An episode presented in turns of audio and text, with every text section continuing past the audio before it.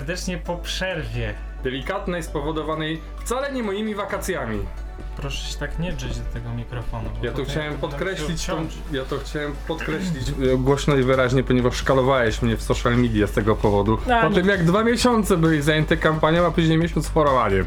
To, to, to prawda. To nie jest tak, że Cię szkalowałem w social mediach, w sensie szkalowałem Cię, ale tego nikt nie czyta, więc jakby czego się tutaj.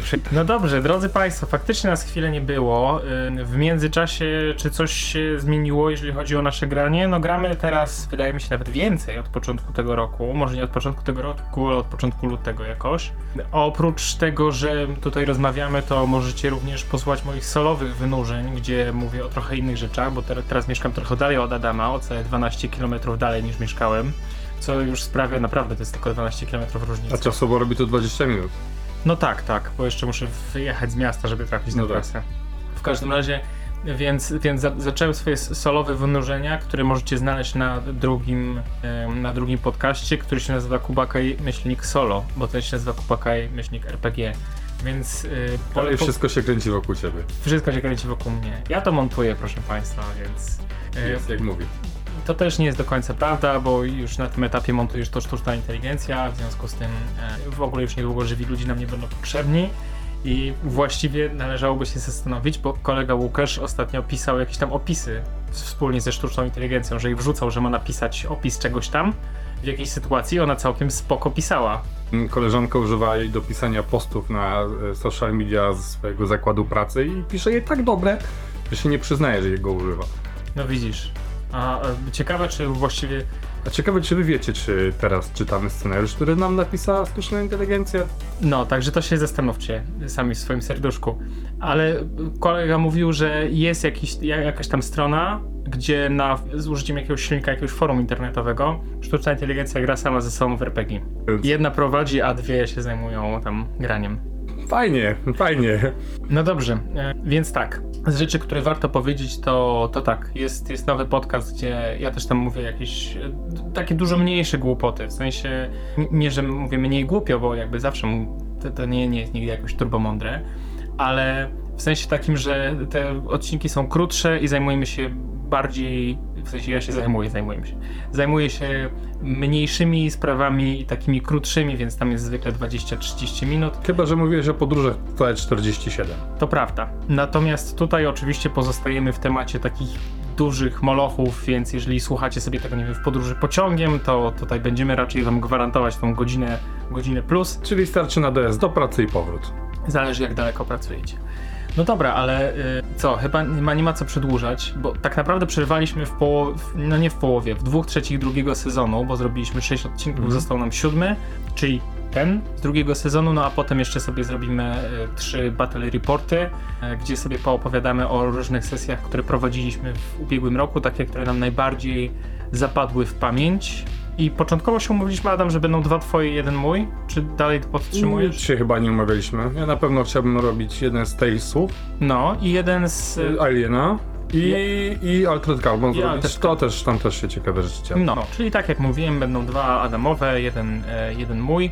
Przeszło mi też przez myśl, że może poopowiadać trochę o Black Voidzie, ale to może przy jakiejś innej okazji, może więcej o tym Black Voidzie bym kiedyś powiedział, bo jest to takie moja, taka, taka moja perełeczka z zeszłego roku. W ogóle powinniśmy zrobić taki materiał Najlepszy systemie 2022. No, w co- oczywiście wszystkie te, w które graliśmy. W co graliśmy i na co czekamy. Na nic nie czekamy, poza tym Poszukajcie sobie na Google. Temat wałkowany wielokrotnie, zamykam temat. Czekamy najbardziej na to, co, e, na- za co zapłaciliśmy na Kickstarterze i jeszcze nie przyszło. No dobrze, kochani. Dzisiaj będziemy e, omawiać e, kolejny system. Będziemy kończyć te nasze sezony, e, jeżeli chodzi o wypowiedzi merytoryczne, takim tematem, który, nazwałem problem systemowy. Czyli będziemy omawiać jakiś system od początku do końca i dzisiaj naszym gościem jest Adam, który, który jest ekspertem, jeżeli chodzi o system, o którym będziemy mówić dzisiaj, czyli opowieści, nie opowieści, tajemnice pętli. Dlaczego mi się zawsze wydaje, że on się nazywa opowieści z pętli? Bo oryginalny, oryginalny to jest, to jest Tales from the Loop, prawda? Prawda. Okej, więc będziemy mówić o tajemnicach pętli, które zostały wydane w Polsce sumptem wydawnictwa Black Monk, Tak właśnie jest. a oryginalnym twórcą tegoż tytułu jest, Jest Filig. Tak jest. Free Aligan po szwedzku. To jest zabawne, że oni się czasem podpisują Free League, a czasem Free Aligan. No, Tutaj chyba wszędzie jest akurat Free League, z tego tak co kojarzę. I co ciekawe, jest jedna osoba, która jest autorem tego systemu, w sensie osoba, która stworzyła grafiki koncepcyjne, które się potem przełożyły na ten system i ten człowiek się nazywał... Simon Stalenhag. Tak, Okej, dobra, czyli nazwę mamy, wydawcę mamy. W wielkim skrócie. Jakbyś opisał w wielkim skrócie opowieści z pętli, masz na to minutę. Zacząłbym od tego, co jest napisane na okładce, czyli zagraj w latach 80., których nigdy nie było. Po czym omówiłbym to, co może niektórzy pamiętają z opowieści rodziców, czyli lata 80., klimat, jaki tam wtedy był, i wszystko to przyprawione futurystycznymi eksperymentami z bliżej nieokreślonej pętli, która ma bliżej nieokreślone działania, możliwością spotkania tam stworzeń z innego świata, z innego czasu, obcowaniem z technologią, która jest totalnie niewspółmierna do czasów, w których które my znamy z rzeczywistości i z autopsji, a nie znamy totalnie e, tego, co tam się dzieje.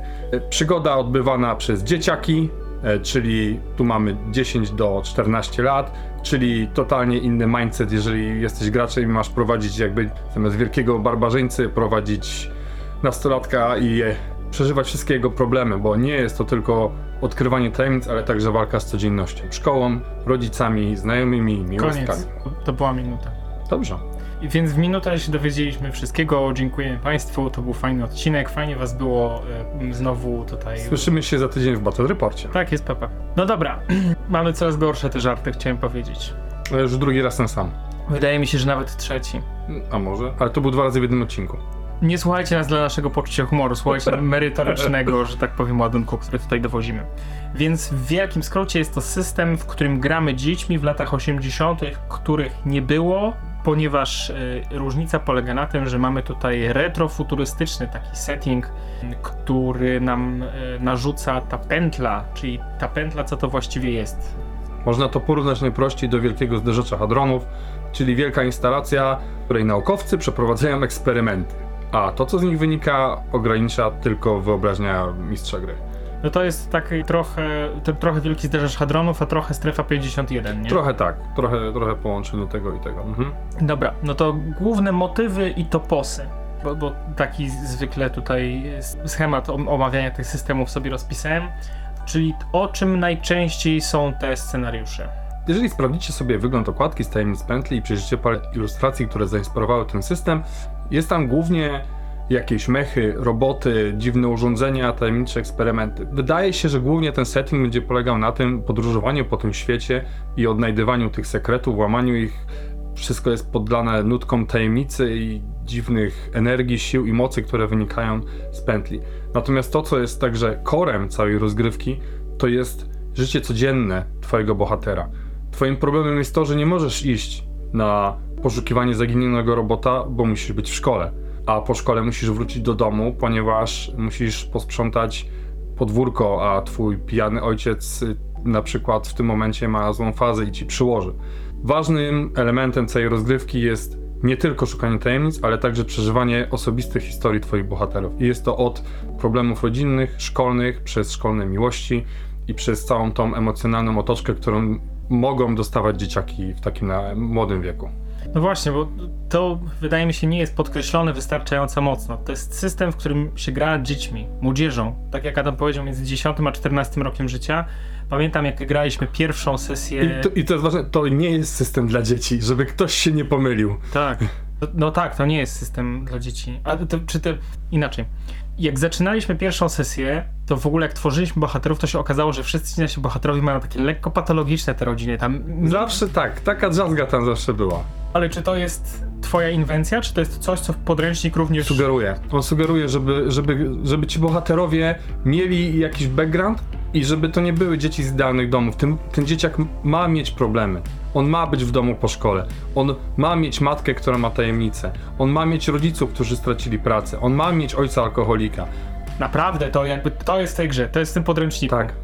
Okej, bo ja, ja myślałem, że to po prostu my jesteśmy takimi kompletnymi zwyrolami z tobą na czele, jeżeli chodzi o tworzenie tych postaci, bo wydawało mi się, że tworzymy sobie te dzieciaki i, i wszystko jest jakby w porządku, okej, będziemy teraz grać dziećmi, co to za Co, co może pójść nie tak? I nagle się okazuje, że Adam nam po prostu opisuje, jak będą wyglądać nasze rodziny i Moja matka gdzieś odeszła w pizdu i, i nikt od niej nie widział, nikt nie wie co się z nią stało, a stary jest alkusem patusem, który większość dnia, no mamy farmę jeszcze, ale on jak nie pracuje akurat na tej farmie, to leży w samych batach przed telewizorem i ogląda szwedzką telewizję, bo akcja się też dzieje w. Szwecji.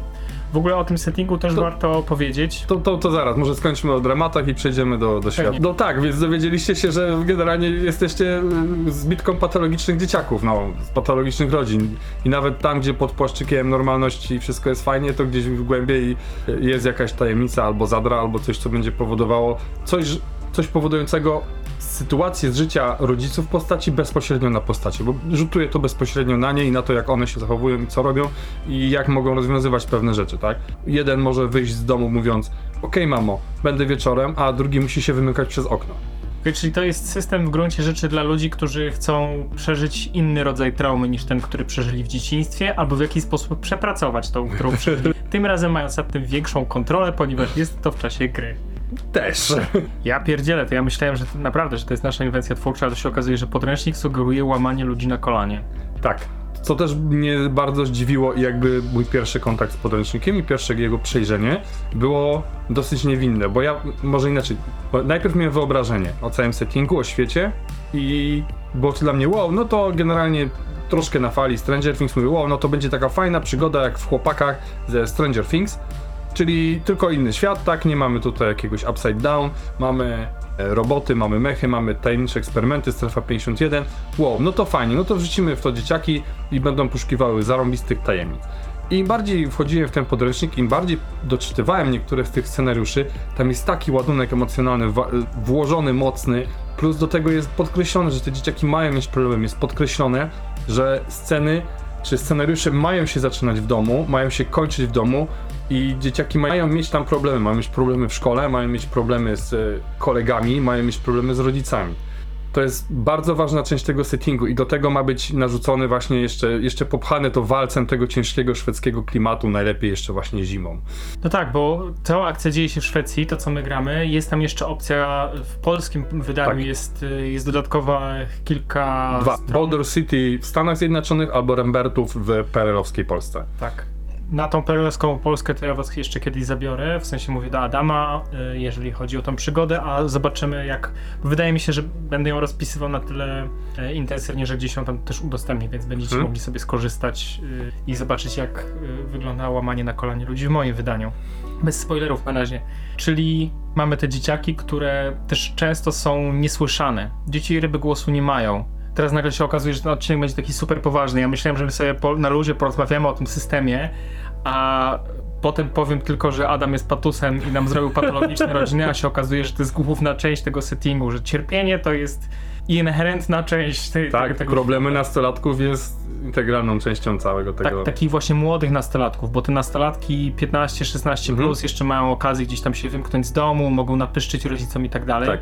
A my jak gramy dzieciakami do 14 roku życia, to tak naprawdę bardzo często jak informujemy, że słuchaj tato, słuchaj mamo, tam jest straszny robot, który pożera dzieci, albo nam kolega zniknął ze szkoły i wszyscy zdają się nie zwracać na to uwagi, to ci nasi rodzice odgrywani przez mistrza gry tutaj Adama mają to w dupie, bo oni mają swoje problemy, bo oni wracają zmęczeni po robocie, bo jest to szwedzkie tam też takie dystansowanie się społeczne, że nie ma tych interakcji jakby za, za mocnych między ludźmi i nagle się okazuje, że my w tym wszystkim jesteśmy sami i to poczucie osamotnienia też i takiego niezrozumienia i bagatelizowania tych naszych problemów też bardzo często tam powraca jako jeden z głównych motywów. I to jest motyw, który też jest rozpisany w podręczniku. Rodzice, ba, tu dorośli. Dorośli ignorują problemy dzieci. One są dla nich abstrakcyjne, to są wymyślone rzeczy, które oni opowiadają. To jest podręcznikowo, ro- dorośli wam po prostu nie wierzą. Co też jest jakby ważne, macie być sami z tym.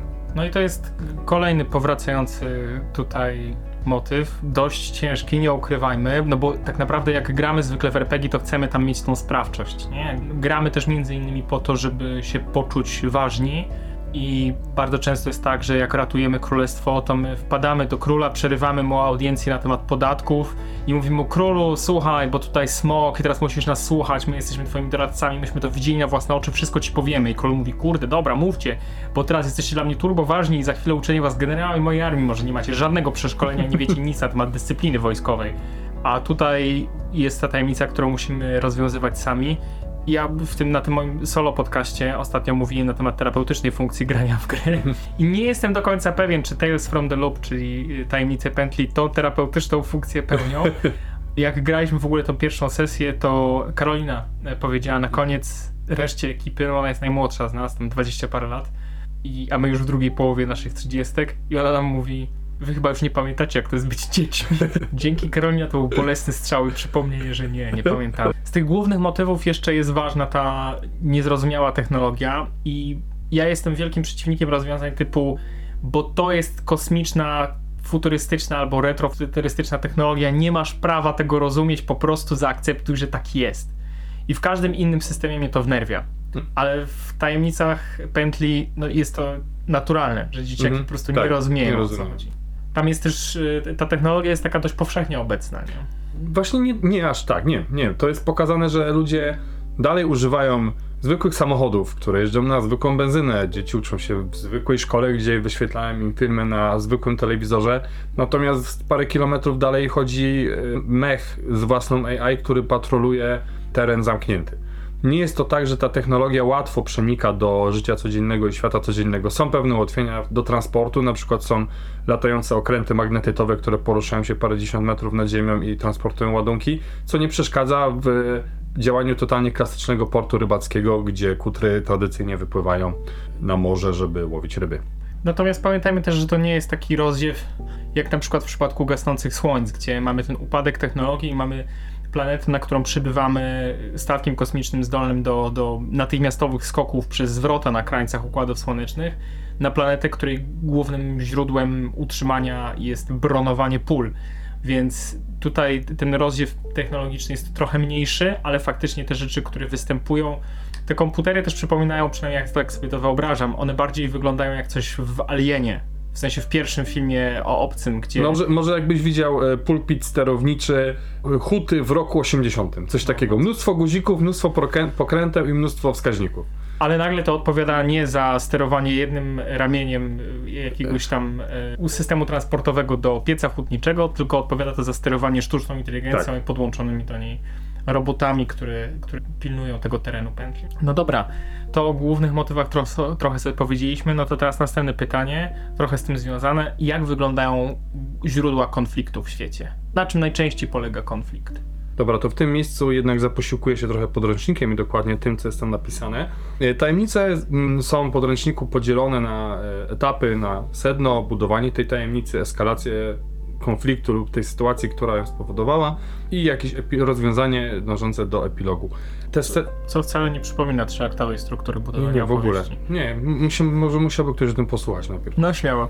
Więc takimi rzeczami, które mają tutaj zawiązywać e, fabułę, są ludzkie błędy, czyli może przykładowo naukowcy, którym pewne eksperymenty wymykają się spod kontroli i powodują niezamierzone skutki. Tutaj na scenę wkraczają nasi bohaterowie, którzy starają się te błędy naprawić, bądź sku- skutki tych błędów zneutralizować. E, Bądź napędzają nam akcje konflikty, czyli możemy tutaj w latach 80. zimna wojna wrzucać konflikty różnych wywiadów. Moż- Możemy wrzucać konflikty dwóch naukowców, którzy próbują prześcignąć się, który pierwszy wynajdzie jakąś technologię, e, bądź mogą być to zwykłe psoty, które mogą się skoncentrować na innych dzieciakach, które po prostu przypadkiem odkrywają coś, czego nie powinny i zaczynają się tym bawić i manipulować, powodując kaskadę kłopotów e, spadającą na miasto czy na naszych bohaterów bezpośrednio.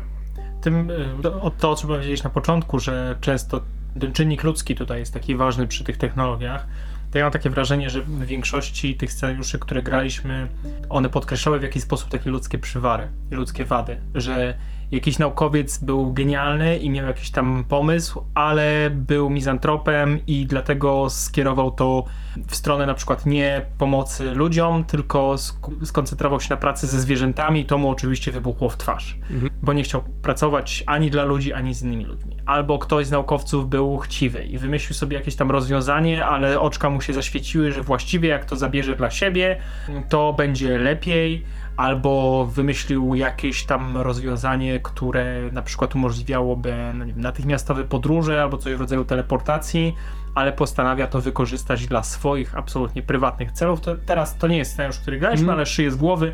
Wyobraźcie sobie, że scenariusz dotyczy tego, że chłop wam się pojawił w piwnicy i teraz nie wiecie kto to jest i tak naprawdę odkrywając tajemnicę okazuje się, że to jest gość, który wynalazł teleportację, ale wykorzystywał to po to, żeby się niepostrzeżenie przekrażać do sąsiadki od was z parteru, bo miał z nią romans, no ale to coś mu tam wybuchło w twarz w tym, w tym urządzeniu, teleportował go do piwnicy, jest tam zamknięty i teraz próbuje was przekonać, żebyście go wypuścili. I kiedy docieracie do tego laboratorium okazuje się, że tam jest w ogóle jakiś wynalazek, który jest zasilany czymś skrajnie nielegalnym, albo jest oparty o jakieś rozwiązanie, które zostało ukradzione z pętli, a na przykład wasz ojciec został o to oskarżony. I tym samym te wątki się tak przeplatają, często. zazębiają i no straszna jest tam kupa z tego wszystkiego bardzo często, bo, bo nie ma dobrych rozwiązań. Nagle się okazuje, że ci ludzie już nabroili, oni napsuli i teraz wy dzieciaki macie jakąś odpowiedź na ten problem, bo przeprowadziliście rzetelne śledztwo w porównaniu na przykład z policją, która mówi to jest sprawa pętli,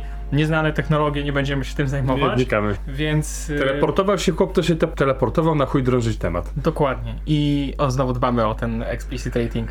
I, I się okazuje, że nikt was nie słucha. I jest rozwiązanie, ale potem chłop idzie do domu i w gruncie rzeczy wszyscy mają to w dupie, co on będzie dalej robił. Tylko, te, że jest was, tylko tyle, że jest na was zły, bo go trzymaliście w piwnicy przez trzy dni i zapomnieliście mu przynieść wodę, albo trzeba było ukraść matce kanapki, a mieć te swoje ze szkoły. Ewentualnie lutował ten, lutował słoiki z przetworami. Tak jest. I, I teraz on jest wolny i został puszczony i po prostu zostajecie z takim niedosytem, że nikt was nie posłuchał, a z drugiej strony z satysfakcją, że rozwiązaliście tą tajemnicę, dowiedzieliście się kto to jest. I potem prawdopodobnie za trzy sesje będziecie musieli iść do tego typa i z nim gadać, żeby wam umożliwił tą teleportację, bo teraz macie inną tajemnicę i teraz musicie go przekonać tymi pysznymi, pysznymi konfiturami, bo tutaj będzie kolejna, e, kolejna odpowiedź. Kolejna akcja. Ale tak, ten konflikt y, dorośli, którzy są przekonani, że wszystko wiedzą, kontra dzieciaki, które naprawdę podjęły jakąś tam, jakiś tam wysiłek, wysiłek, żeby tak, żeby, żeby znaleźć odpowiedzi, ale to ignorowanie jakby też jest tutaj, już wspominałem, jest mocno, mocno wpisane. Natomiast też właśnie są, są ludzkie błędy, konflikty, które mogą to napędzać. Tutaj też można właśnie jakiś wyścig ambicji pomiędzy dwoma naukowcami, czy nadambicja jednego naukowców, też, też dosyć fajne. No i przede wszystkim, przede wszystkim i psoty, bo tutaj też bardzo łatwo wrzucić kawałek technologii, która została przez naukowców porzucona, po czym wpada w ręce kogoś młodego i w jego rękach zaczyna działać z powrotem, tak? Uruchamia coś i, i zaczyna, zaczyna psocić. Nie jest to wynik ambicji, nie jest to wynik jakiegoś konfliktu, ale konfliktu wewnętrznego tej osoby. Graliśmy scenariusz, akurat ciebie wtedy nie było, gdzie chłopak, którego wyszydzano w szkole i nie lubiono, postanawia zemścić się na wszystkich, e, przeprowadzając za pomocą właśnie maszyny z pętli inwazję w ich sny i znęcając się nad nimi w ich własnych snach. I, i to, był, to był problem jakby do, do rozwiązania dla nich. Nie? Pamiętajcie też, że w opowieściach z pętli, o tajemnicach pętli, no Tales from the Loop, opowieściach z pętli, wszyscy wiedzą o co chodzi. W tajemnicach pętli mm, jest, że tak powiem, rozdziew pomiędzy tą, no abstrahując od tego elementu science fiction, tego retrofuturystycznego przeprowadzania technologii przez często inne wymiary, czasoprzestrzeń i tak dalej. Takim elementem nie do końca spójnym z, z naszą rzeczywistością jest to, że tam nie ma żadnych procedur, jeśli chodzi o utylizację. Po prostu jest ta pętla, która jest otoczona płotem, Jako tako. jako tako, ten, ten ośrodek zwany pętlą. Jest tam jakiś płot, którego no, czasem ktoś pilnuje, czasem nie, czasem są tam jakieś roboty, czasem strażnik, czasem nikogo tam nie ma. I jak coś nie do końca działa, to się po prostu to wyrzuca na haszok, tam gdzieś taka jest hałda po prostu. I tam się dzieją cuda na tych hałdach, bo te technologie zaczynają ze sobą rozmawiać, albo tam przychodzimy Mhm. po to, żeby wyciągnąć jakiś hiperdrogi, tajemniczy element, który normalnie za który radzieccy szpiedzy by zapłacili po prostu swoją matką jeszcze z przeległościami, a tymczasem my to znajdujemy w śmieciach, bo nam to jest akurat potrzebne i, i nas na, na, na to zmodyfikowane tranzystorowe radio na przykład, który piszczy do tego kryptonitu albo coś, coś, coś takiego. Więc e, tam po prostu ta technologia jest bardzo często wyrzucana na śmietnik, jeżeli nie spełnia pewnych oczekiwań, no i tam wiadomo, że może się wydarzyć coś e, niechcianego w związku z tym, że, że ten element się tam e, pojawił. No dobra, to wiemy mniej więcej już jakie konflikty tam będą, czyli pomiędzy technologią a, a ludźmi, między tym czynnikiem ludzkim, między pedantyzmem a, a chęcią sukcesu szybkiego. tak, e, między, między dzieciakami a dorosłymi na pewno te konflikty będą. Też pomiędzy Mhm. dzieciakami, no, my często sobie odgrywamy jakieś takie durne dramy. No tutaj, przepraszam za słowo durne w kontekście, w kontekście tego, ale no wiecie, takie, którymi my dorośli się na dzisiaj nie, dzień dzisiejszy nie przejmujemy zupełnie, w, w ogóle nas nie dotyka. Twoja małżonka jest w tym świetna, bo ona ma taką postać, która jest taką szkolną gwiazdeczką, Popular girl. tak. I wokół niej zwłaszcza są takie jakieś konflikty, że ona się obraża, że jej chłopak na lody nie zabrał albo coś takiego. I na początku mnie to tak y, strasznie zrzymało w ogóle, że te sceny się dzieją. Ale teraz spoglądając też na dzieciaki, które gdzieś tam widzę w mojej okolicy, które są co prawda młodsze, ale, ale jednak one mają jeszcze ten, tą tendencję do właśnie traktowania takich spraw, które teraz nam, dorosłym, się dzisiaj wydają kompletnie błahe. I, no, no i co z tego, nie? Przychodzi y, dzieciak do, do, do rodzica i mówi o tatę, bo, bo, bo tutaj koleżanka nie chciała iść na lody. No, no i co z tego, chłopie, masz 10 lat, jakby. A tam się okazuje, że to jest jeden z głównych konfliktów na przykład na sesji i traktujemy to dokładnie tak samo poważnie, wczuwając się w te postacie dzieci, jak gdyby to były legendy pięciu kręgów i po prostu konflikt dyplomatyczny pomiędzy dwoma klanami, gdzie jakby za obrazę grozi mm, przymusowe sepuku. I tutaj też się okazuje, że te, te dramy, które się rozgrywają w szkole czy w tym naszym życiu, oprócz tajemnic, em, które wynikają z samej pętli, to one są równie ważne i, i równie ciężkie. Ale właściwie skąd się biorą gracze? Wejś, wejście graczy w ten świat. Jak wygląda mistrz gry? Wejście w świat wygląda, no tutaj jak w każdym RPG-u. Wybieramy archetyp i budujemy postać. Jednak e, nie ma tutaj barda, barbarzyńcy, maga czy innego łucznika. A to o tym za sekundkę. Ja bym chciał się dowiedzieć w ogóle, kim są bohaterowie w tym świecie, skąd oni się tam biorą, kim będziemy w ogóle grać. No będziemy grać dzieciakami 10 do 14 lat. Powiedzieliśmy. Nie no, y, bohaterowie są w tym świecie. Oni już w nim żyją i w niego wchodzimy. To są po prostu dzieciaki, które oczęszczają do szkoły, jedzą po południu obiad w domu, a później wychodzą z kolegami nad jezioro. Ale tam nie ma, nie, nie ma pełnej dowolności, nie? W sensie gramy dziećmi, ale raczej te wszystkie dzieciaki chodzą do tej samej szkoły. Tak, mieszkają w tym samym mieście i nie muszą dzielić wspólnych zainteresowań, ale lepiej jakąś tą, w jakiś sposób mieć tą grupę związaną. Właśnie budując postacie, gracze wybierają, sami sobie określają, co myślą o innych postaciach z grupy, żeby jakoś zawiązać między nimi te związki, żeby każdy sobie na podstawie postaci, którą wybrał ktoś inny, ty wymyślasz sobie, jak ją oceniasz. I między tym też można, na tym też można grać. Nie jest to taki system jak w Obcym, w sensie Alien, a nie, że jak rozmawiamy o dzieciach, to mówimy o książce Ten Obcy, ale jest, w Alienie jest ten system e, Buddy and Rival. Jak masz, jak robisz coś ze swoim Mhm. buddym, to masz tam dodatkową kostkę, jak z rivalem to masz jedną mniej. Tutaj tego mechanicznego bonusu nie ma, ale faktycznie jest coś takiego, że jak się tą drużynę tworzy i każdy opisuje tą swoją postać, to trzeba już na tym etapie jakiś taki stereotypowy może, albo jakieś takie, no wiecie, takie przekonanie, jak takie pierwsze wrażenie, które mamy na, te, na te, temat tej drugiej postaci. Trochę jak dziecko wchodzi do klasy, inne dzieci je mierzą wzrokiem, myślą, to jest spoko kumpel, albo O, To- będziemy go czesać. Może też moja odpowiedź nie jest y, do końca dla ciebie satysfakcjonująca, ponieważ to Talesy były pierwszym RPG-iem, którego prowadziłem. I to była moja pierwsza sesja w życiu i pierwsze budowanie postaci i moim planem było zrobienie jednostrzału. To było w maju zeszłego roku. Aktualnie ten jednostrzał przeszedł z teoretycznie pięciosesyjnej kampanii, z książki wziętej, tak, czyli z pudełka, stał się pełnoprawną, szaloną kampanią z przenikaniem się świata Dungeons and Dragons. Więc teraz, gdybym miał świeżych graczy na stole, to myślę, że trochę inaczej bym im, no nie chcę mówić sugerował postacie, ale inaczej bym to już pewne rzeczy ograł i na inne rzeczy zwróciłbym uwagę i podszedłbym do tego z większą uwagą. Wtedy to było wzięcie podręcznika, przeczytanie sposobu budowania postaci i dobra, ukleczcie coś na tą jedną sesję. Nie? No dobra, to jeżeli masz mistrza gry, który się zastanawia nad tym, żeby sięgnąć po ten podręcznik, już teraz wie, że to nie będzie gra o dzieciakach jak w Stranger Things, tylko to będzie gra o złamanych dzieciakach, jak w powieściach, nie wiem, Niziurskiego, że strach wrócić do domu, bo tam czeka ojciec, który jest komplet taką ścianą po prostu i nie da się z nim porozumieć. I, no i ktoś się na to decyduje i teraz będzie się spotykał ze swoimi graczami, żeby stworzyć te postacie, to co sugerujesz takiemu mistrzowi gry, czy takiej mistrzyni, jak powinna, powinien się do tego tworzenia postaci przygotować, co graczom warto najbardziej podkreślić. Pozwolić im też trochę pogadać przy stole. E, Niech każdy złapie sobie, przejrzy te archetypy, które są, bo to jest dosyć ważne. I ważne, żeby oni ze sobą, żeby każdy powiedział, jakby widział siebie w świecie gry, i inni powinni go ocenić. I powinni go ocenić bez mówienia mu, tylko zapisać sobie to na kartce, jak go oceniają. Czyli jeżeli ktoś wybierze sobie postać popularnej, popularnego dzieciaka, opisze, że a, jestem gwiazdą szkoły, znam wszystkich, e, noszę fajne ciuchy, wyglądam tak i tak, po południu robię to i to, to ta druga osoba ma sobie sama pomyśleć, co by o kimś takim pomyślała i to sobie zapisać. I na tej podstawie trochę może jeszcze ich podopytywać o te, o te relacje między nimi. To też jest tutaj może trochę triki, że czasami trzeba narzuca na ten system, żeby te postacie były drużyny. Na początku było z waszej strony trochę wątpliwości, czemu wy się właściwie trzymacie razem? Bo fakt faktem, tutaj może moje niedopatrzenie, nie dałem wam wspólnego backgroundu.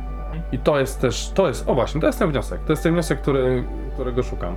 Muszą mieć te postacie background, żeby ta drużyna mogła od razu ze sobą działać. Nie można tutaj wrzucić, że to jest banda najemników, którym zapłacili i teraz kurwa współpracujecie, bo dzięki się zgadzają. Nie, macie 10 czy 13 lat, macie wewnętrzne dramy i no na wejście no musicie już się jakoś zrobić mieć porozumienie, bo nie ma tutaj za bardzo czasu, miejsca, żeby tą drużynę sobie budować.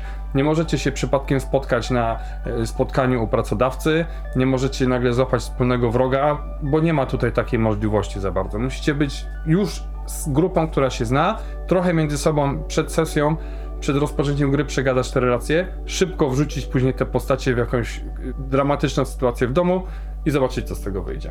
No trochę tak było na początku, że mieliśmy problem zwłaszcza z tą popularną dziewczyną, bo Tak. e, dało to, że postać e, Karoliny się z nami trzyma, bo jest najmłodszą z nas, kujonką taką, no to to jest zrozumiałe, bo ona po prostu potrzebuje starszych kolegów, żeby Tak. ją bronili, bo ona sama w sobie jest taka no, zaczytana w tych książkach i ten, to, co połączenie ze światem rzeczywistym u niej jest najsłabsze, a z drugiej strony u niej jest też największa panika, nie? Więc ona Mhm. potrzebuje, jak coś się tam złego dzieje. Z drugiej strony zarówno Janis, jak i Ingvar mają powód, żeby się trzymać ze sobą, bo oboje są takimi trochę outsiderami. Tak. On jakby z musu, bo mieszka na farmie, a nie w mieście, a ona z wyboru, tak, bo, bo jest tą rebeliantką taką. No i pozostaje Linda Marie, która jest tą popularną dziewczyną i w gruncie rzeczy nie powinna się z nami bratać Bujać, z, tymi, tak. z tymi kmiotami, ale mimo to z jakiegoś powodu tą relację z nami tworzy, chociaż uważam, że też Ania świetnie gra, bo od czasu do czasu z punktu widzenia gracza to jest gorzej, nie? Bo ona nie bierze udziału w jakiejś akcji, ale ona po prostu uważa, że to jest poniżej jej poziomu. I może to jest trochę ta odpowiedź, że ona nas traktuje, no może nie jak tanią siłę roboczą, ale trochę się zachowuje jakby była taka szkolna szlachta. Trochę wyżej, my tak, jest, my tak. jesteśmy te paroby, które będą... My, ja jestem z tej, z y, piątej A, a wy jesteście ze sportowej. Pozdrawiam wszystkich z klas, sporto- z klas sportowych.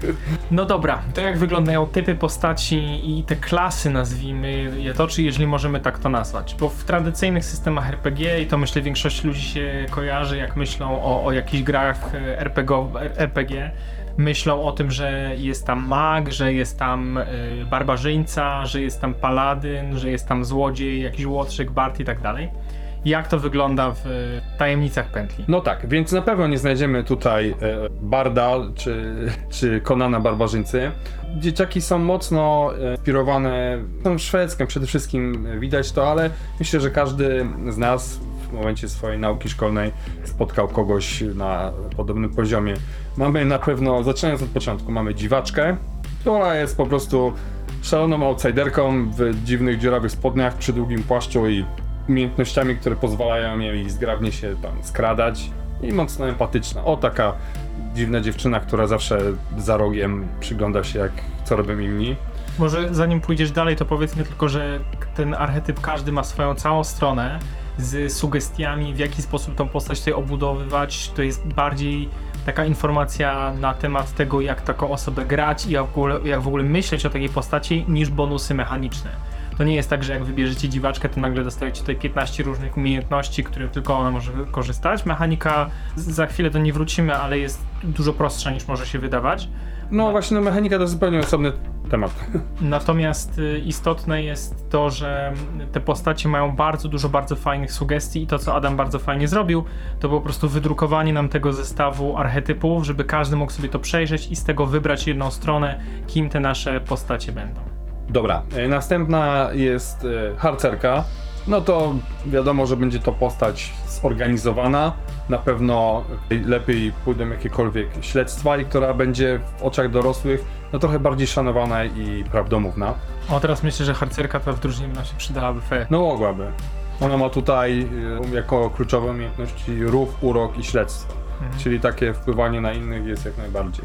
I są to lata 80., więc mamy tutaj postać komputerowca. Tutaj można go porównać jako archetypowo do jakiegoś hakera czy coś takiego, bo on tutaj ma nacisk na programowanie, analizę, takie rzeczy, więc y, no, taką postać można wykorzystywać właśnie do, do tego, żeby ona się potrafiła rozprawić z jakimiś urządzeniami, których działania nie pojmujemy. Tego nie mamy i Nie macie.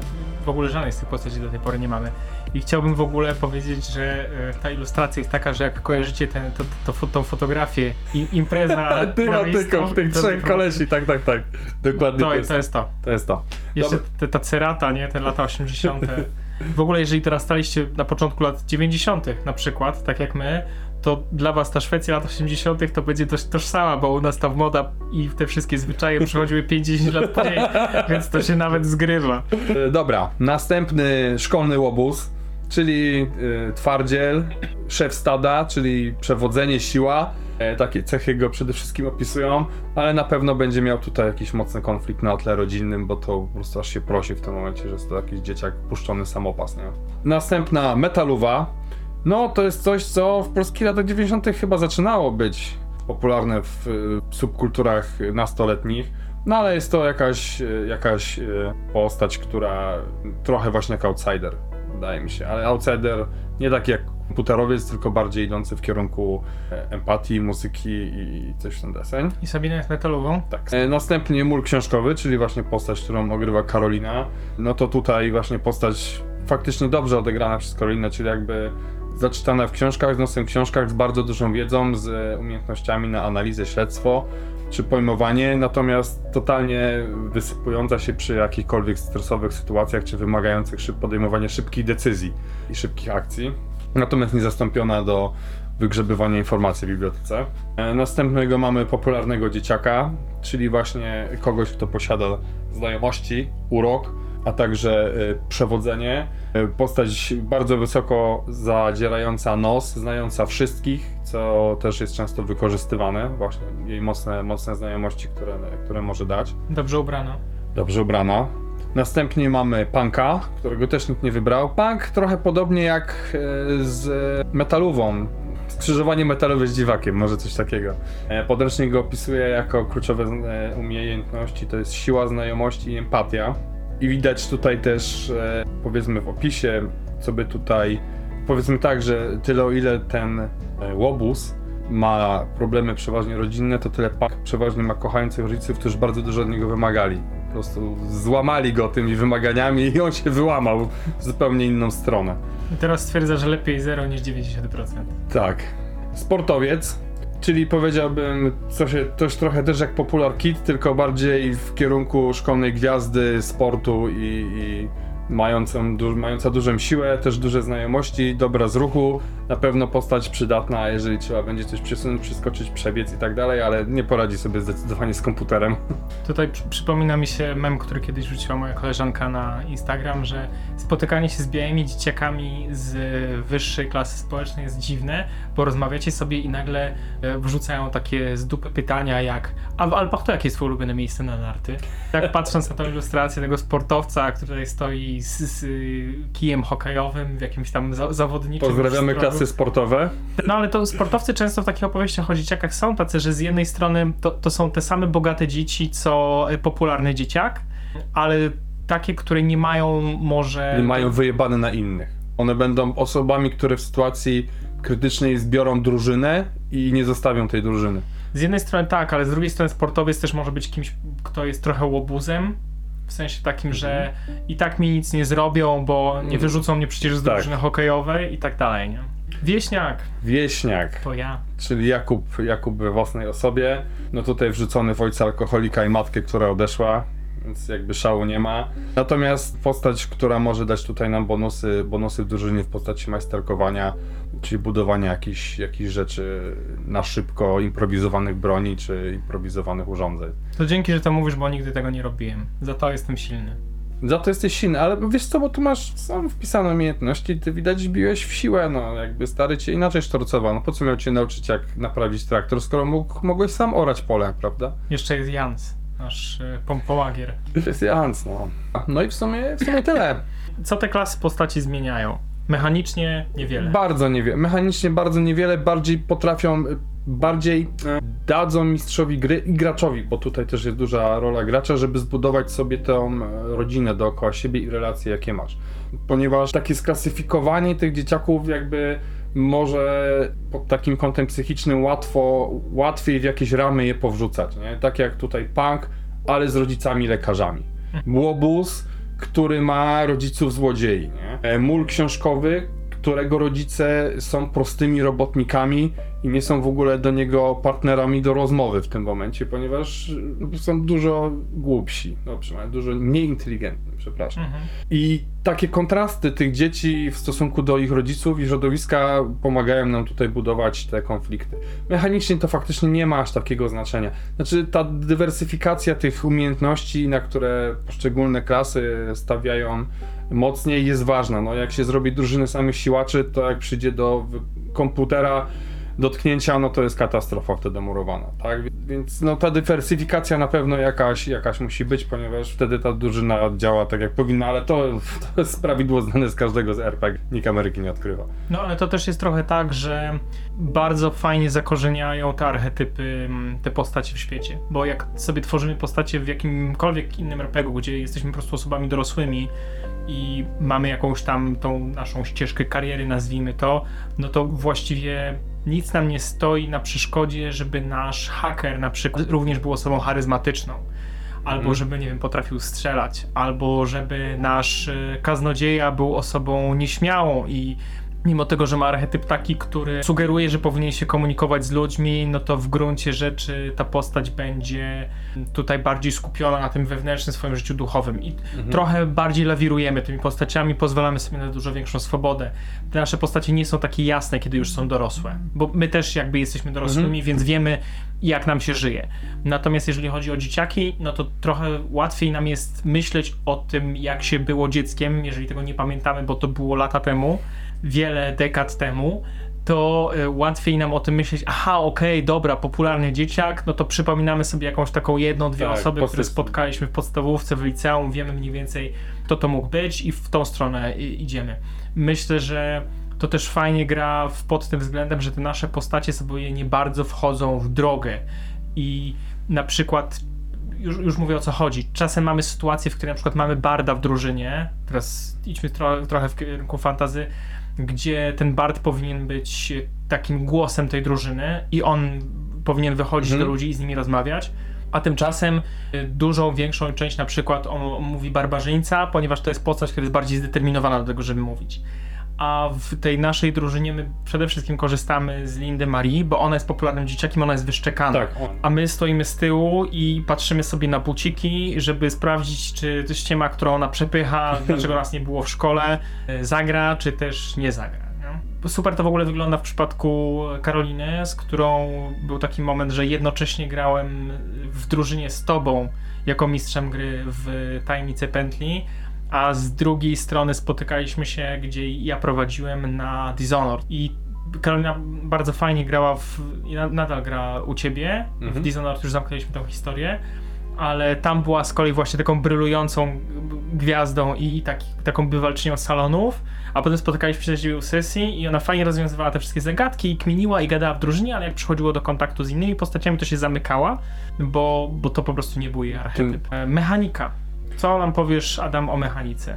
Prosta jak To, to jest Year Zero Engine, czyli to samo, co jest w Alienie, Alienie, tak to jest. samo, co jest w Coriolisie, którego omawiałem, to samo, co jest w, teraz w Blade Runnerze. Generalnie, no i oczywiście w Mutant Year Zero. Jest to system rzucania kostkami, który Free League implementuje do wszystkich swoich gier. Bo ma to do siebie, że jest dość idiotoodporny. To prawda. Jest idiotoodporny i podoba mi się użycie go w tej grze, ponieważ mechanika nie jest tutaj kluczowa. Jest jej poświęcone dosyć niewiele stron, jest ogólnikowo opisana. Scenariusze też nie definiują nam zero-jedynkowo wartości testów, które. Znaczy, jest to. definiują, ale jest tego bardzo mało. Postacie muszą się czuć y, dobrze w jakichś y, momentach i mamy to przedstawione przez właśnie kulanie kostkami K6, gdzie szósteczka jest e, sukcesem. Ilość tych kosteczek zależy od tego, jak dużo mamy wbitych punktów, cechy i umiejętności. Generalnie rzecz ujmując, są cztery cechy, kilka umiejętności. Mhm. Ile ich jest? 10, 12? 12 chyba, bo są po 3 na każdą e, cechę. No, więc bierzemy wartość naszej cechy, czyli na przykład siłę 3 i do tego ruch na przykład 2, to nam No. daje 5 kostek, bierzemy 5 kostek sześciennych, rzucamy i na szóstkach tylko są sukcesy. I wystarczy nam jeden sukces. Wystarczy na tych sześciu kościach wykulać, wykulać jeden sukces i test jest zdany. To się Tak. wydaje bardzo proste, a nie Natomiast każdy sukces powyżej możemy używać albo do, jeżeli akurat postać obok nas robi ten sam test, to za tą bonusową, to za ten bonusowy e, sukces możemy pomóc postaci, która tego sukcesu nie ma, bądź możemy jakby zabetonować sobą, sobie jakąś umiejętność, czyli jeżeli tutaj na Kuby przykładzie się posłużę, chciał się wymknąć z domu, rzucił kośćmi sześcioma czy siedmioma, wykulał trzy sukcesy, Stwierdziłem, dobra, to teraz jak już będziesz chciał się wymknąć z domu, to po prostu za każdym razem to robisz. Czyli możecie sobie jakby jakąś umiejętność zabetonować. Czyli jeżeli udało wam się na przykład zbajerować sprzedawcę w sklepie na większą porcję lodów i wyrzuciliście zamiast jednego sukcesu dwa, to teraz wystarczy, że jeżeli będziecie chcieli większą porcję lodów, to po prostu mu to powiecie i zawsze macie ten bonus jakby już Mhm. do, tej, do tego jednego kon- konkretnego testu przypisany. E, Modyfikatory, które mm, tutaj w tym systemie są, są to modyfikatory wy- wynikające ze stanów postaci, czyli one będą nam obniżały ilość tych kości w puli. Stany są 5 stanów jest, jest to zdenerwowanie, przerażenie, zmęczenie, zranienie, wycieńczenie. I każdy wbity stan zdejmuje nam jedną kość z testu, czyli im bardziej jesteście przerażeni czy zmęczeni, będziecie mieli trochę trudniej w tych testach, aż do momentu, w którym wbijecie wszystkie i wtedy wasza postać jest jakby niezdolna już do gry i, i jest nieprzytomna. I tutaj trzeba powiedzieć najważniejszą rzecz, w tej grze nie ma umierania. Tak, postacie nie umierają, mówię to z niekłamanym smutkiem, a z drugiej strony przemoc wobec dzieci i tak tutaj jest, więc Tak. jak what the hell. E, Jest psychiczna, nie, a nie fizyczna, ale jest, więc nie ma umieranka, więc w momencie, kiedy, kiedy przekroczycie ilość tych wbitych stanów na postać, po prostu reszta musi was ewakuować i potrzebujecie dojść do siebie w domu z postacią, w której macie jakieś oparcie i musicie się po prostu odratować, ale nie umrzecie. Nie strzeli do was cyborg z blastera i nie ewaporyzuje was po prostu do atomów. Ale i tak czasem jest strach, bo zaraz coś ma wybuchnąć jesteśmy przekonani, że i tak tam zginiemy. A na modyfikatory na plus mogą nam działać e, wyjątkowe przedmioty, które będą e, postacie e, posiadać.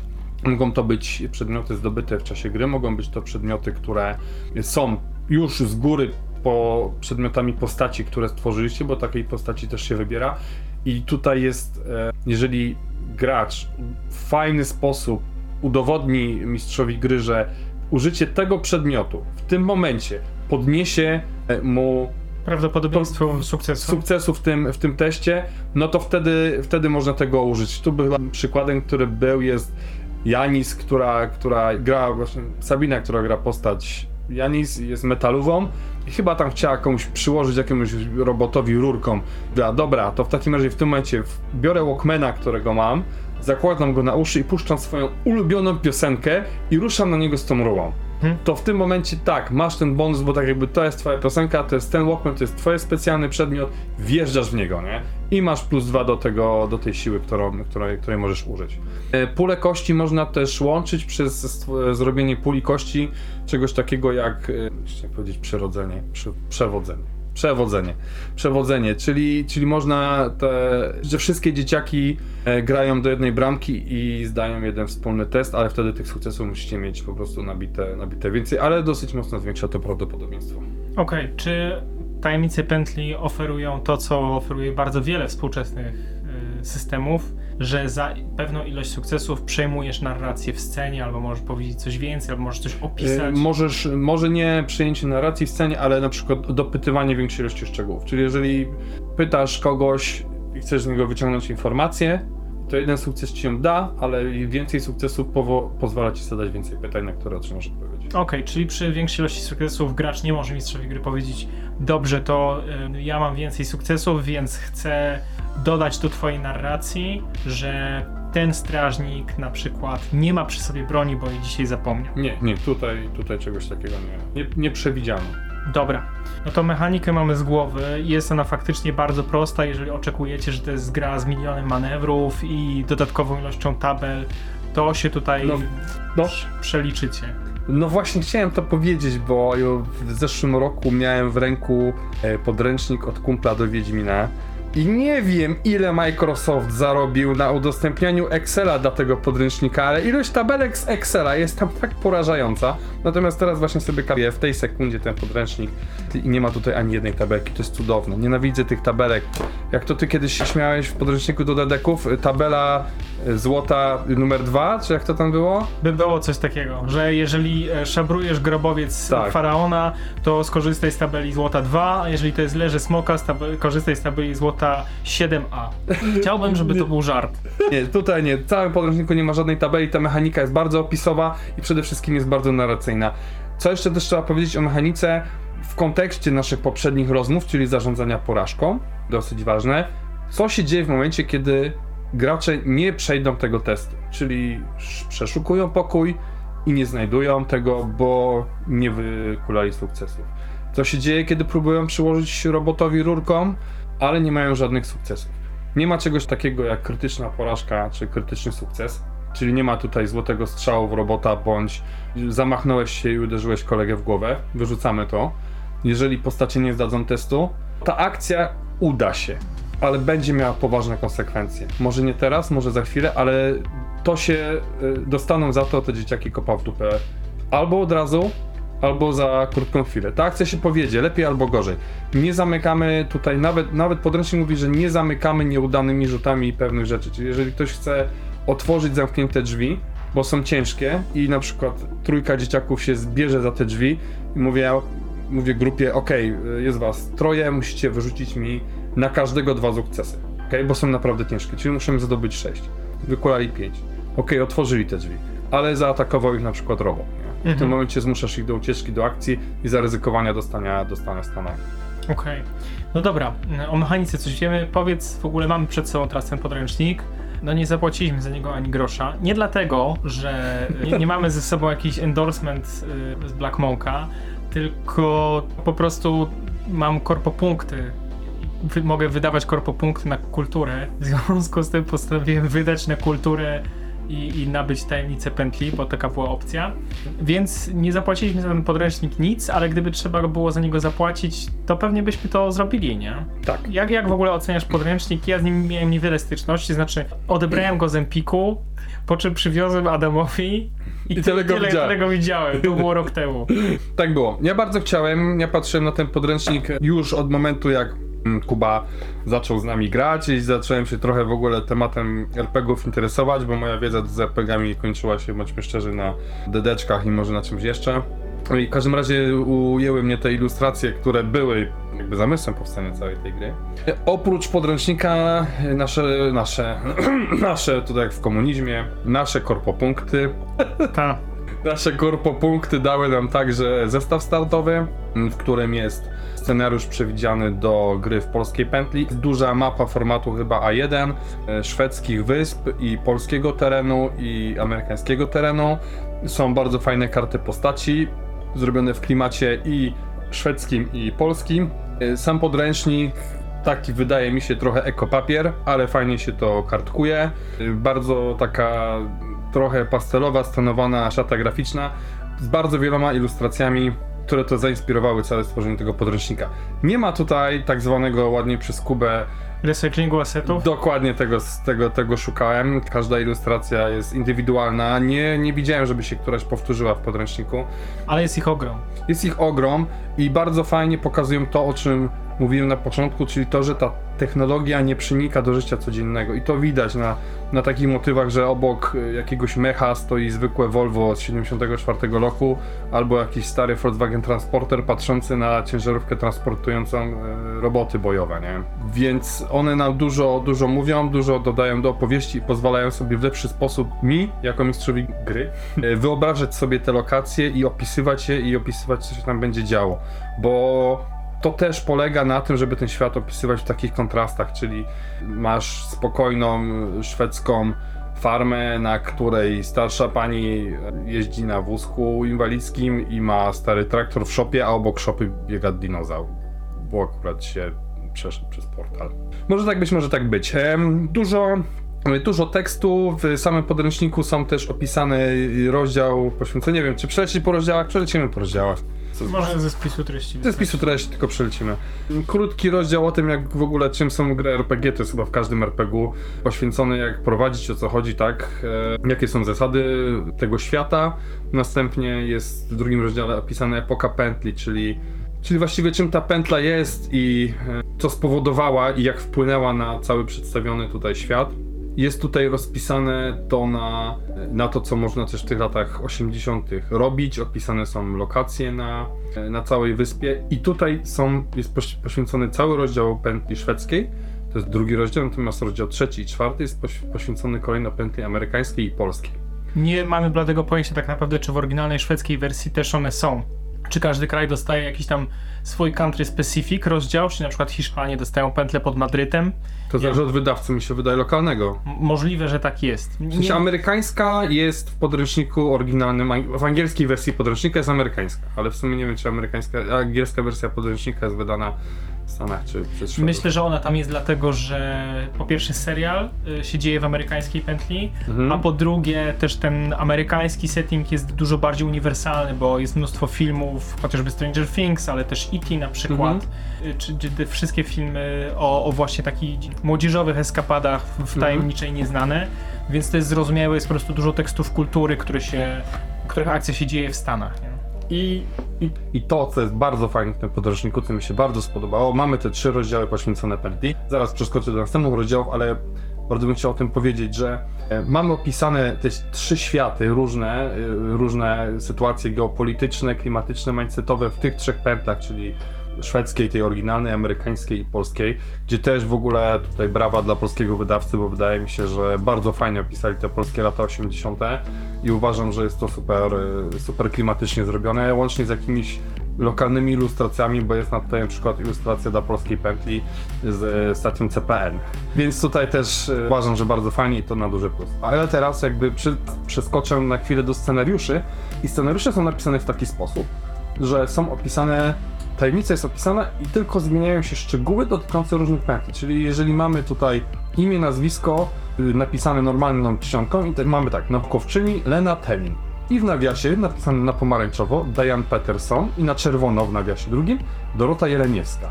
Czyli pierwsza postać jest oryginalnie dla settingu szwedzkiego, druga dla amerykańskiego, trzecia dla polskiego. I tak jest to zrobione także z oddziałami pętli, czyli w szwedzkiej mamy Rix Energii, po czym mamy DART w Stanach i Interfis w Polsce. Tak samo rozpisane są miejscówki, czyli na y, oryginalnej mapie szukamy tej miejscówki w Adelso, później mamy na pomarańczowo Red Mountain i następnie w okolicach Sulejówka. Tym sposobem, pisząc jeden scenariusz, y, opierdzielają od razu trzy lokalizacje w różnych.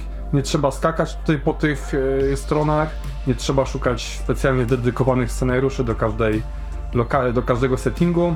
I wymyślać na siłę, nie? Tak, Że tak. Dzisiaj I- robimy szwedzki scenariusz, a ona się nazywa... Tak. A, Nie czyli trzeba tutaj random J- name generatora, tylko, tylko jest to rozpisane od razu w podręczniku i bardzo wygodnie się z tego korzysta i za to też duży plus i jest to bardzo, e, bardzo fajne. Tyle, jedziemy dalej po rozdziałach, następnie mamy rozdział piąty poświęcony dzieciakom, gdzie mamy właśnie rozpis na te archetypy, o których mówiliśmy, o tym jak zbudować e, postać, jak zbudować właśnie wszystkie, cały jej background, czyli motywację, dumę, relacje, oparcia. E, opisane są w jaki sposób działają na nich stany, jak e, rozdać później doświadczenie i inne rzeczy poświęcone stricte postaciom. Następnie jest rozdział szósty, który nazywa się Tarapaty. Tutaj pod nazwą Tarapaty kryje się po prostu kulanie kostkami. Ile jest mechaniki stron? 80 do 89. To I duże ilustracje. I, I w tym ilustracje, więc jakby odejmijmy od tego spokojnie trzy strony, tak? Są, są jakby rozpisane trudne sytuacje, proste sytuacje, co się robi przy nieudanych rzutach, jak forsować te rzuty, jak skonfrontować dwoje dzieciaków, w jaki sposób, w jakich sytuacjach wykorzystuje się dane, dane cechy umiejętności. Może na przykład, szybko zerknę sobie na siłę, Dobra, więc jeżeli, jeżeli chodzi o siłę, jest to opisane dosłownie na, na linijek, ale powiem, że na 6 punktów. Siła. Zdolność biegania ciężkich przedmiotów i walki, odporność na czynniki fizyczne. Tyle. Ruch. Określa jak wysoko się wspinasz, czy łatwo przychodzić utrzymania równo- równowagi i jak szybko biegasz. Tyle. Krótko zwięźle na temat. Nie ma tutaj dużego rozpisywania się tą mechanikę i to nie jest czy masz dobre pływanie, czy masz dobre walczenie lewą ręką, czy prawą ręką, tylko po prostu jak się wspinasz, to na ruch. Jeżeli robisz coś na komputerze, to analizę. Jeżeli żeby w bibliotece, to bierzesz to z pojmowania. Bardzo prosto, bardzo szybko, bardzo zwięźle. Sam system rzucania tymi kośćmi, czyli ten Your Engine jest też prosty, więc to mi się podoba. Nie ma tutaj rozczytywania się w te tabelki z, z różnymi obrażeniami, czy dostałeś strzał z, z miecza plus 5, plus obrażenia z pioruna, zjadł bazyliszka, którym było pokryta klinga, ale że uderzył cię przednią częścią klingi, a ja spłynął na tylną część klingi, więc masz tylko małą. Więc nie, nie, nie, nie, nie, nie. Drama goni dramę, a mechanika jest po to, żeby ją podkręcać. Mechanicznie też y, nie nastawiacie się na jakąś bardzo głęboką możliwość, jak to się mówi, kustomizowania tych postaci. Ci wasi bohaterowie będą raczej podobni. To są 4 cechy i 12 umiejętności i to jest koniec. Plus jeden przedmiot specjalny, który każda postać wybiera. Więc to nie jest tak, że jeżeli wasz ojciec jest alkoholikiem albo wasza matka kradnie, to, że możecie sobie wybrać y, jeszcze dodatkowo talent y, nastoletni złodziej, Albo, że macie fas i przez to macie minus do każdego. tak, albo przekleństwo, y, kurator i regularne wizyty. Po prostu nie ma takich rzeczy, więc to dostosowywanie postaci się odbywa tylko i wyłącznie na warstwie narracyjnej, fabularnej. Mechanicznie to nie jest odwzorowane, ale niekoniecznie uważamy to w tym momencie za wadę. Nie, nie, tutaj, tutaj ewidentnie na pierwszym miejscu stoi storytelling. Mechanika jest tylko dodatkiem, który gdzieś trochę nam pozwala moderować kierunek, w którym to idzie, żeby to nie była po prostu opowieść pomiędzy grupą ludzi. Dobra, siódmy rozdział jest to tajemnica, czyli to są, to jest tutaj nazwa tych przygód, które, które będziemy. E, Podręcznikiem sobie dzieli na sześć etapów każdą z tych tajemnic, czyli jest jakby, et, no jest. E, Pierwszy etap, dzieciaki wkraczają na scenę, tutaj są właśnie sceny życia codziennego, te problemy z rodzicami, te problemy w szkole, te problemy z innymi nastolatkami. Następnie etap drugi pojawia się tajemnica. Tutaj mamy jakieś zawiązanie akcji, dziwne rzeczy, które się dzieją, coś co naszych, nasze postacie zainteresuje. Następnie przechodzimy do trzeciego etapu, którym jest śledztwo, czyli zbieranie okruszków chleba prowadzących po kolei do głównego winowajcy, powoda czy konfliktu, który spowodował sytuację. Czyli etap o chuj tu chodzi. O chuj tu chodzi, następnie mamy finał, czyli wiemy już o chuj chodzi i staramy się tego chuja zlikwidować, bądź rozwiązać ten problem, bądź próbować to wyjaśnić e, w jakiśkolwiek sposób. Następnie mamy etap szósty, który jest epilogiem. Tutaj znowu wracamy do scen rodzinnych i życia codziennego, czyli wow, w jednej sekundzie pokonaliśmy zbuntowane AI zagnieżdżone w Androidzie, które próbowało przejąć e, władzę w jakiejś części pętli, żeby wrócić do domu i dostać opierdol od matki, że nie zjedliście drugiego śniadania w szkole. I etap szósty, zmiany. Co, co jest zmiany są po prostu punktami doświadczenia, które się dostaje. I te wszystkie etapy są zamknięte na 96 do 102 jeszcze stronach Okej. też niewiele, by nie jest to, jest to, jest to dosyć prosto poprowadzone, ale bardzo, bardzo fajnie. Parę słów o bohaterach niezależnych, jak ich budować i, i pewne rady dotyczące większych tajemnic i kampanii. I e, rozdział ósmy, jest to Kraina Tajemnic. Są tutaj e, zalążki scenariuszy, bo to nie są pełnoprawne scenariusze, to są zalążki pomysłów, które można rozwijać. Zalążki na zasadzie, że nie ma tutaj rozpisanych e, lokacji wielu, nie ma rozpisanych wszystkich wskazówek. Są przykładowe wskazówki, jedna czy maks dwie postacie, które są naszymi antagonistami. Pisane jest to dosłownie w paru, paru wierszach i, i można to traktować jako zalążki historii i jak najbardziej się to sprawdza. Rozdział dziewiąty. Są to cztery pory szalonej nauki, jest to kampania. Sugeruję podręcznik, żeby to było sześć sesji bodajże i e, każda z tych, e, tych sesji, bo z pięć sesji, cztery etapy. To ma po prostu, ta kampania ma cztery etapy i rozdziały 10, 11, 12, 13 to jest po prostu rozpisanie każdego z etapów tej kampanii dosyć drobiazgowo, z lokacjami, z jakimiś, chciałem powiedzieć handheldami znowu. Handoutami. Nie wiem, no to jest zapisane w górę. Z handoutami, które są w podręczniku, więc wymagają albo posiadania tego podręcznika w PDF-ie, albo jakiegoś zrobienia zdjęcia i skserowania, żeby to rozdać, żeby nie, nie żonglować tym podręcznikiem, bo to jednak jest dosyć skomplikowane, bo rozpiska rzeczy, które się dzieją jest tuż obok tych ilustracji, czy mapek, czy e, planów pomieszczeń, czy jakichś listów, które nasi, nasze postaci mają znaleźć, więc wymaga to przygotowania się przed tą sesją. Też te duże, ta, ta duża kampania jest przygotowana pod wszystkie trzy lokalizacje, czyli mamy osobne mapki dla Polski, dla Szwecji i dla Stanów. Mamy osobne listy zależnie od postaci i settingu, którego gramy, więc tu też po raz kolejny szapoba, bo jest to naprawdę fajnie zrobione w bardzo taki wygodny sposób. Nie ma tutaj jakby problemu z ogarnięciem się w tym. Sam podręcznik podstawowy daje nam tą całą dużą kampanię i ona jest bardzo fajnie drobiazgowo rozpisana. Dużo z niej można wyciągnąć, jeżeli ja z niej dużo wyciągnąłem, ucząc się w ogóle prowadzenia RPG-u, bo to była dla mnie też nauka. Dużo sobie z niej wyciągnąłem, ponieważ ich drobiazgowe rozpisanie pozwoliło mi też jakby zacząć myśleć w ten sam sposób i ja sobie w ten sam sposób swoje historie rozpisywałem, więc to, że dostajemy taką fajną kampanię długą e, w podstawowym podręczniku jest spoko, bo nie jest to standardem, bo jakby monetyzacja e, nie jest to zgodne z, z duchem monetyzacji wielkich korporacji, tak? To prawda. Ten podręcznik składa się głównie z opisu świata i z ilustracji, Tak. tak, naprawdę pustej kampanii, więc No ta kampania to też jest mnóstwo ilustracji, nie? tak, jeżeli chodzi o budowę świata, to on robi super robotę, także jeżeli się nastawiacie na RPG, który jest, y, który ma łatwe i proste i szybkie reguły, to zdecydowanie tajemnice pętli to robią dobrze. Dużo lepiej wprowadzają w świat niż na przykład inny system tego wydawcy, czyli Coriolis, o którym już mówiłem, gdzie uważam, że tego opisu świata jest zdecydowanie za mało.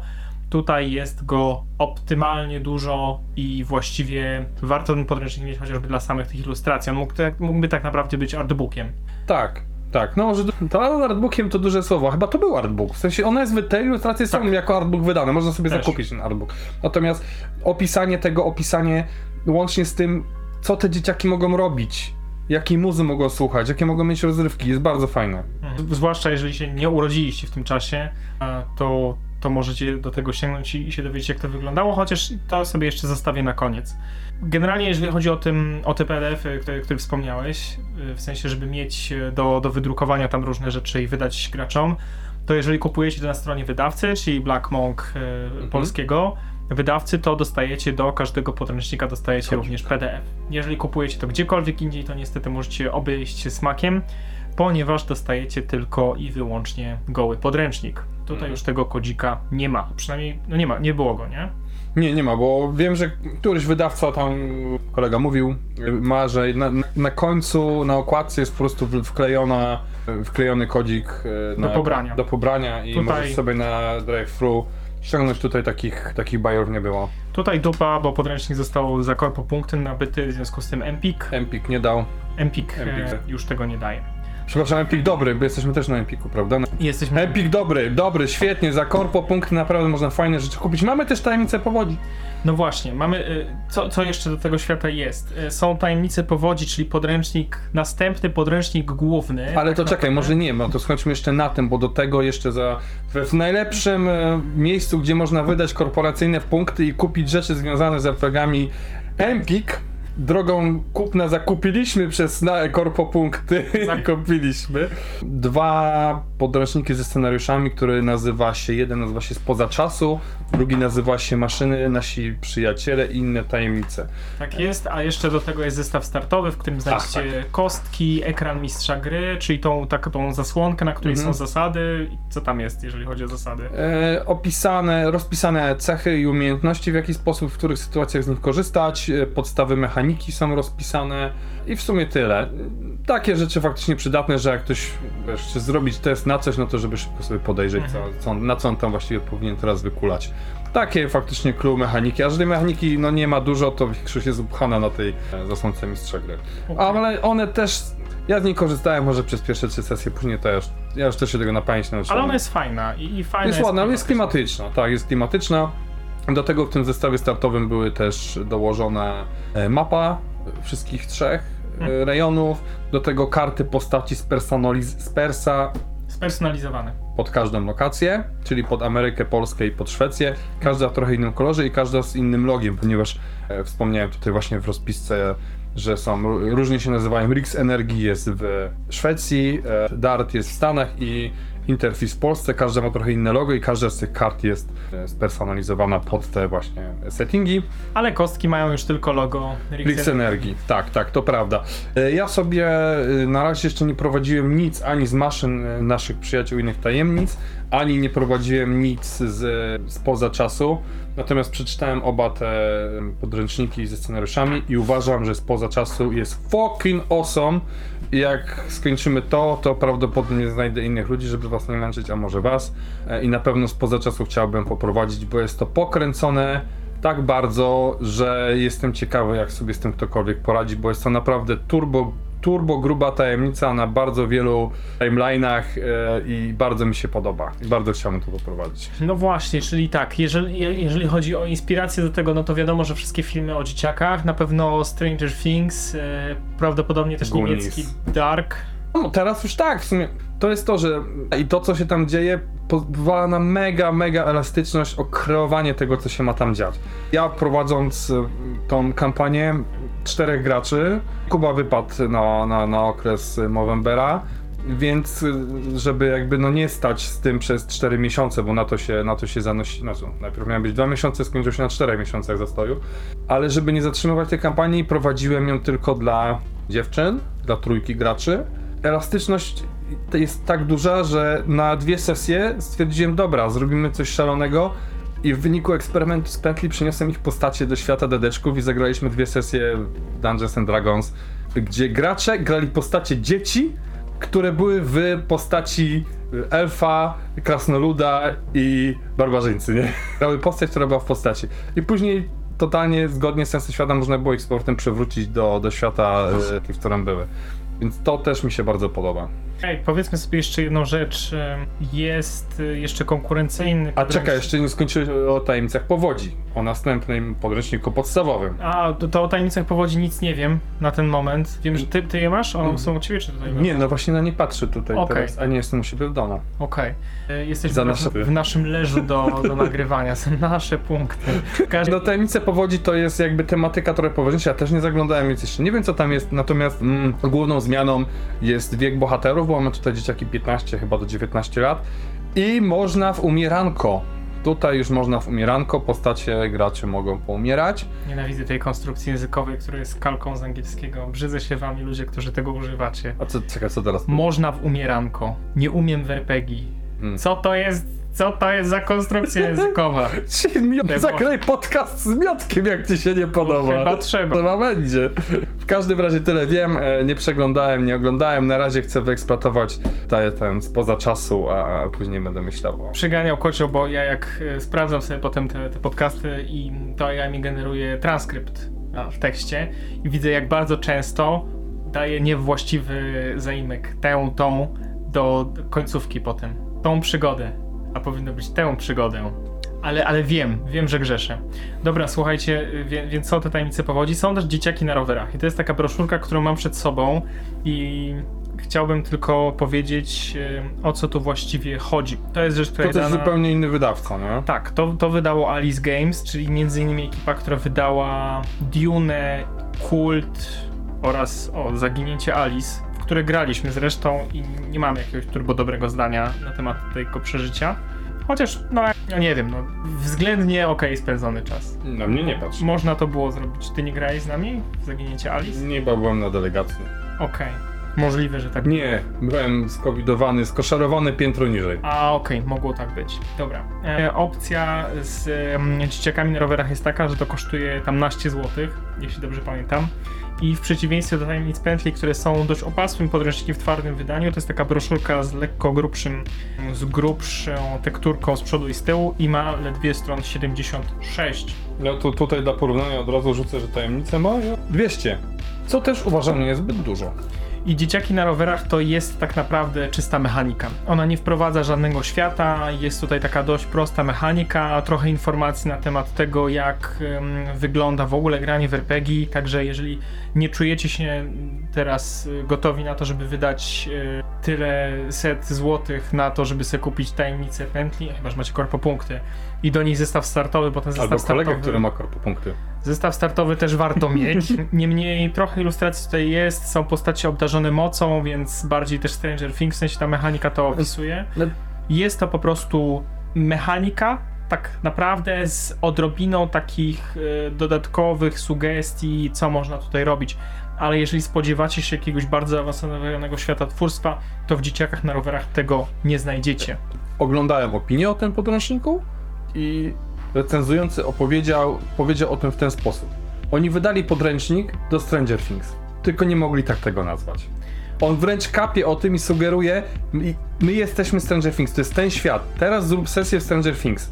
Okej? Musisz to, ale nie możemy tego tak nazwać, bo to kosztuje dużo pieniędzy, jakby dużo dzięgów Netflix by Mhm. chciał, więc nazwijmy to dzieciaki na rowerach. Nie, w ogóle się nie będzie kojarzyć ze Stranger Things, bo wiesz, jakby nie jeżdżą tam na rowerach, jakby nikomu się to nie skojarzy, więc fakt, wrzucili tą samą mechanikę po to, żebyś sobie zagrał Stranger Things.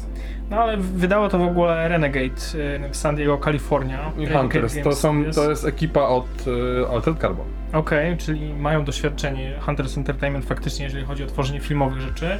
Jest, wiem też, że są dzieciaki na miotłach, więc rozumiem, że to jest Harry Potter Tak. i, i jeszcze tam są jakieś dzieciaki. O, Nieważne w tej chwili, nie, nie jest to jakoś turbo istotne.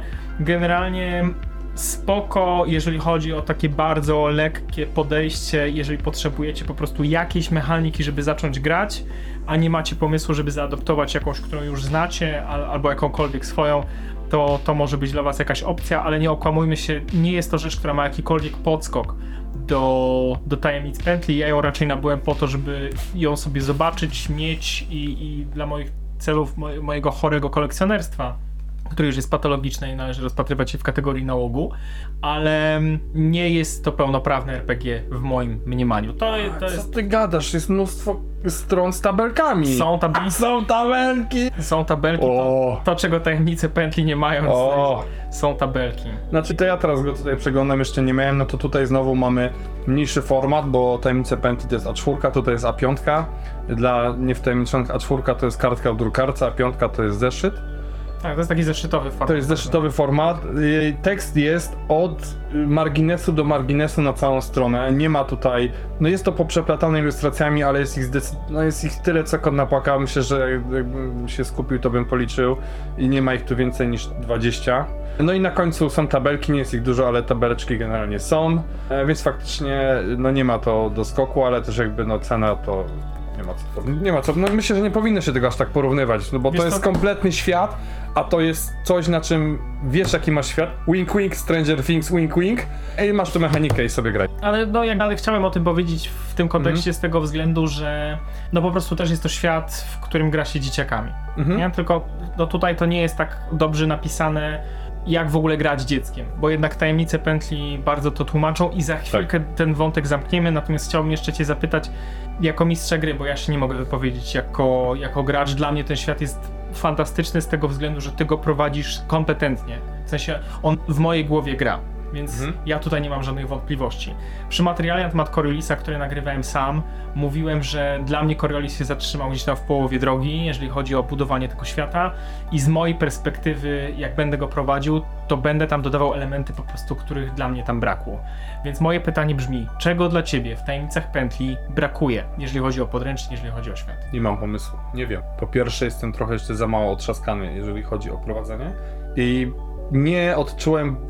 Ja na ten moment budując swoje historie i korzystając z tych scenariuszy i z tej mechaniki i z tego świata, dla mnie nie brakowało tutaj nic. Tak jak powiedziałem, ta elastyczność, którą daje pętla, że możesz poprowadzić i wymyślić co chcesz, powoduje, że on cię nie ogranicza.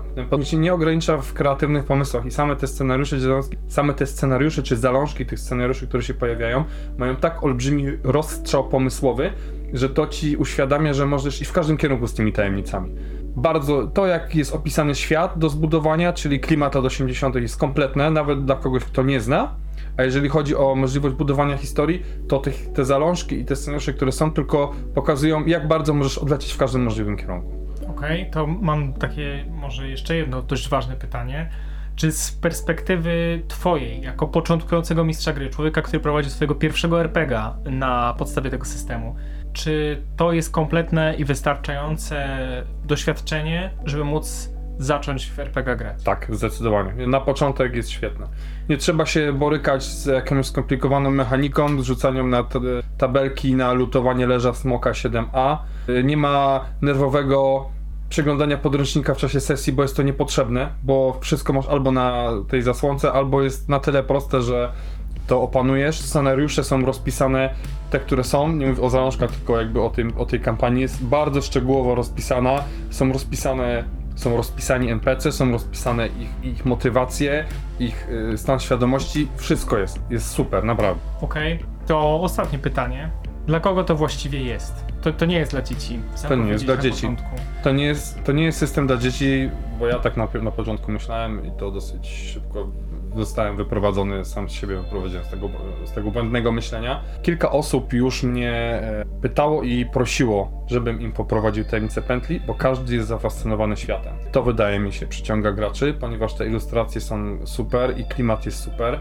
E, Obracamy się też w bańce 25 do 40 lat, więc to jest, są też nostalgiczne czasy dla większości z nas, czyli beztroskie lata młodości, lata 89, tak jak powiedziałeś, Polska goniła w tym układzie północ, więc to co było w latach 90 w Polsce to są lata 80 tutaj, więc trochę ta nostalgia ich goni, więc dla graczy, którzy chyba w tym momencie większość się nie spodziewa, że to będzie dramatyczna historia z dramatycznym tłem, a nie tylko szukanie tajemnic, bo chyba, chyba większość ma takie nastawienie do tego. Czy wy takie mieliście?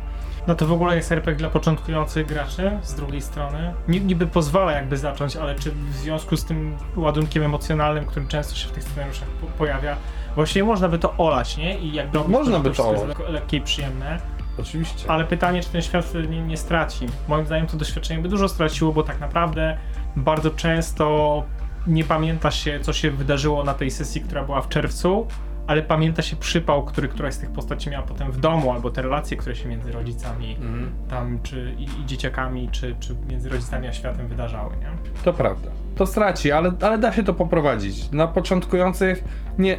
Kurczę, nie wiem. Może na, mechanicznie jest bardzo fajnie dla początkujących, ale jak zaczniesz w nich strzelać nadużywającymi alkohol rodzicami i znęcaniem się przez innych e, kolegów w szkole, no to zaczyna się robić, robić trochę dziwnie. Początkujący, można, no można to zignorować, można po prostu poprowadzić bardzo fajną tajemnicę e, i wszyscy też się będą dobrze bawić, więc e, myślę, że początkujący też coś znaczy. Czy jest tutaj potencjał do tego, żeby mistrz gry się znęcał nad graczami? O, jest, jest olbrzymi. Tu potencjał na triggerowanie smutnych sytuacji, o których w Battle Reporcie chciałbym poopowiadać, jest kolosalny. Okej, dobra, to do tego sobie wrócimy. Porozmawiam sobie po prostu o sesjach, które Adam prowadził w e, świecie Tajemnic Pętli. Mi się wydaje, że to jest system bardziej dla ludzi, którzy faktycznie jakiekolwiek wspomnienia jeszcze z tej końcówki XX wieku mają. Bo wydaje mi się, może inaczej, ja jestem w ogóle przekonany, że na przykład Karolina, która ma 20 tam parę lat, Pięć, na młodo wyglądasz, nie, nie interesuje mnie się ile masz lat. Karolina, która ma 20 parę lat, zupełnie inaczej to odbiera niż na przykład ja, który jestem najstarszy w tej grupie. I tak naprawdę ja przełom lat 80 90 pamiętam, więc jakbym, jak będę prowadził te, te lata 80 w perelowskiej Polsce, to ja doskonale wiem jak te wnętrza wyglądały. Nie? Mhm. Jak, I jak idę do Muzeum Śląskiego w Katowicach i tam są te familoki, to to są wnętrza, w których ja dorastałem. Tak było, nie zmyślam. Więc dla mnie to przeniesienie się jest z jednej strony łatwiejsze, bo ja to widziałem wszystko na żywo. To nie jest dla mnie świat science fiction. A z drugiej strony jest też o tyle trudniejsze, że tam się wydarzyło wiele różnych rzeczy w- życiu człowieka, których czasem nie chce pamiętać, a gdzieś tam przez tę historię powraca. Więc wydaje mi się, że paradoksalnie to może być właśnie RPG dla ludzi, którzy są trochę starsi, którzy już kompletnie nie pamiętają, jak być dzieckiem i próbują do tego wrócić w ten sposób. No, ale mają jeszcze gdzieś z tyłu głowy, jak to wyglądało naprawdę. Okej. Czy rekomendujesz opowieści, czy tajemnicy? Pętli? Rekomenduję obiema ręcami. Ja również rekomenduję. Przepraszam, o, rekomenduję obiema rękami. Okej, super. Przepraszamy, profesorze Miodek. Ręcyma. W gwiazdach zapisane jest ręcyma. Pozdrawienia dla ludzi, którzy ko kojarzą ten sketch. To jeżeli, jeżeli kojarzycie skecze kabaretu potem, to pora na pierwsze badanie prostaty, tak? Na proktologię. Dobra, słuchajcie, i tym optymistycznym akcentem e, chyba wypadałoby kończyć ten przydługawy odcinek. Pamiętajcie, No, żeby nas się. subskrybować, jeżeli nas jeszcze nie subskrybujecie, bo większość osób, która słucha nas, nie subskrybują. Myślę, że to jest plaga po prostu wszystkich kanałów w tej chwili, że nie, nie chcemy jakiegokolwiek zaangażowania okazywać. Boże, subskrybuj Nas, następne powiadomienia? Nie. Jakbyśmy w relacji byli, ale subskrybujcie, bo nam to też y, trochę daje obrazu tego tak naprawdę, czy wam y, się podoba to, co robimy. No i co? I zapraszamy. Zapraszamy serdecznie. O, obiecujemy, że nie będzie w najbliższym czasie tak długiej przerwy. Nie planujemy. Chyba, że Kuba znowu się rozchoruje. Nie planuję. Ja nie planuję wakacji. Dziękujemy serdecznie. Dzięki. Pa, pa.